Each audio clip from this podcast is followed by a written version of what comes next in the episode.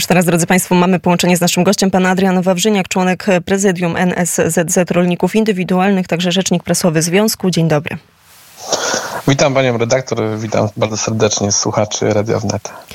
Już e, wspomniałam o tych wczorajszych rozmowach ministra rolnictwa, także ministra rozwoju i technologii z komisarzem Unii Europejskiej do spraw handlu, ale wczoraj e, także e, właśnie Związek Rolników Indywidualnych, w tym pan, e, rozmawialiście z ministrem rolnictwa. Proszę powiedzieć, co udało się ustalić, jakie konkluzje z tego spotkania? Tak, dokładnie zgadza się. Właśnie przed e, spotkaniem z panem, e, z panem właśnie komisarzem do spraw handlu, pan minister spotkał się, to było pierwsze oficjalne spotkanie Związku Zawodowego Solidarność Rolników Indywidualnych z panem ministrem.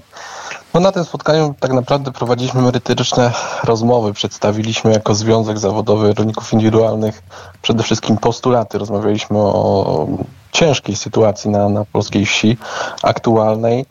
E, skupialiśmy się przede wszystkim na kwestii właśnie Ukrainy i tego oczywiście napływu towarów z Ukrainy, a także decyzji Komisji Europejskiej, która miała dzisiaj nastąpić. Co prawda ona została przesunięta, no ale w takim wymiarze, jak jest proponowana, no jednak nie ma zgody ze strony rolników na, na taką decyzję i na takie wprowadzenie jakby tych obostrzeń, które są proponowane.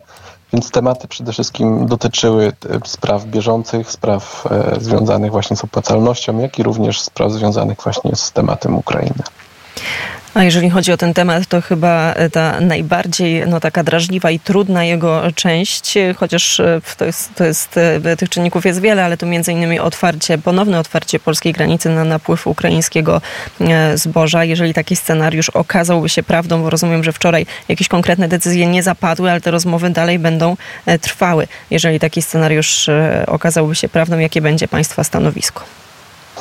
No, przypuszczam, że tutaj wszystkie organizacje rolnicze pewno będzie jednoznaczne stanowisko, ponieważ my doskonale wiemy, co to znaczy dla polskiego rolnictwa, również dla polskiej gospodarki otwarcie e, tego rynku na oścież. My doskonale widzieliśmy, co się stało przez dwa lata, w jaki sposób po prostu dochody gospodarstw rolnych zostały obniżone i to nie tylko w Polsce, bo jak widzimy po zeszłotygodniowych i, i tym, w tym również tych tygodniowych protestach rolników niemieckich, no również poprzez wprowadzenie jednostronnego embarga przez, przez Polskę, e, rolnicy niemiecki, niemieccy w końcu też e, jakby odczuli, co to znaczy po prostu spadek cen i napływ towarów z Ukrainy.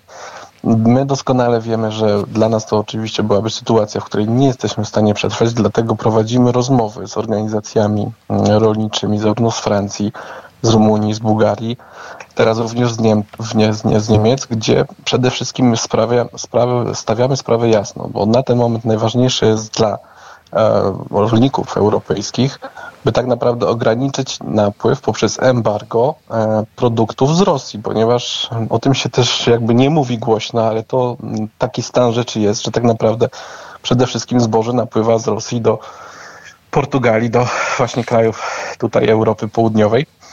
I tak naprawdę ono blokuje potem jakby sprzedaż produktów e, z krajów Europy tutaj naszej wschodniej.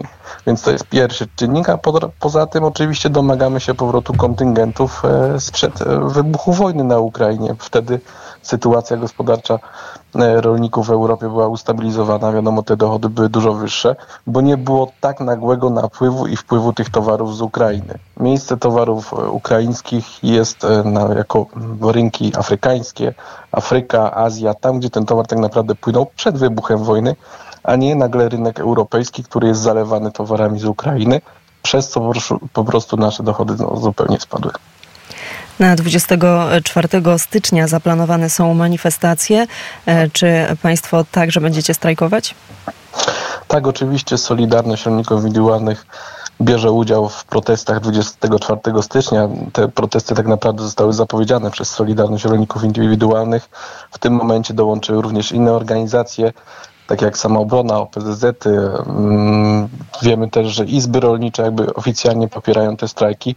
Są te strajki ukierunkowane tak naprawdę właśnie na sytuację związaną z Ukrainą, ale również na wspólną politykę rolną Unii Europejskiej, na plany, które zostały ambitnie ogłoszone, ale jednak nie mają swojego pokrycia w codzienności, w pracy polskiego rolnika czy, czy europejskiego rolnika, to co mówimy oczywiście o różnych dopłatach do ochrony klimatu, nie przekłada się na y, zapewnienie dochodów i godziwych dochodów przede wszystkim e, rolnikom w Europie, tak?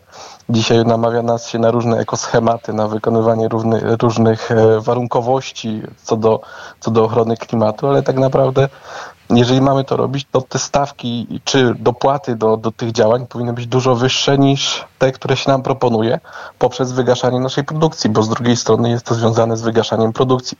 Dlatego w całej Europie są strajki. Są strajki e, na Litwie, są strajki w Rumunii, są strajki we Francji, w Niemczech.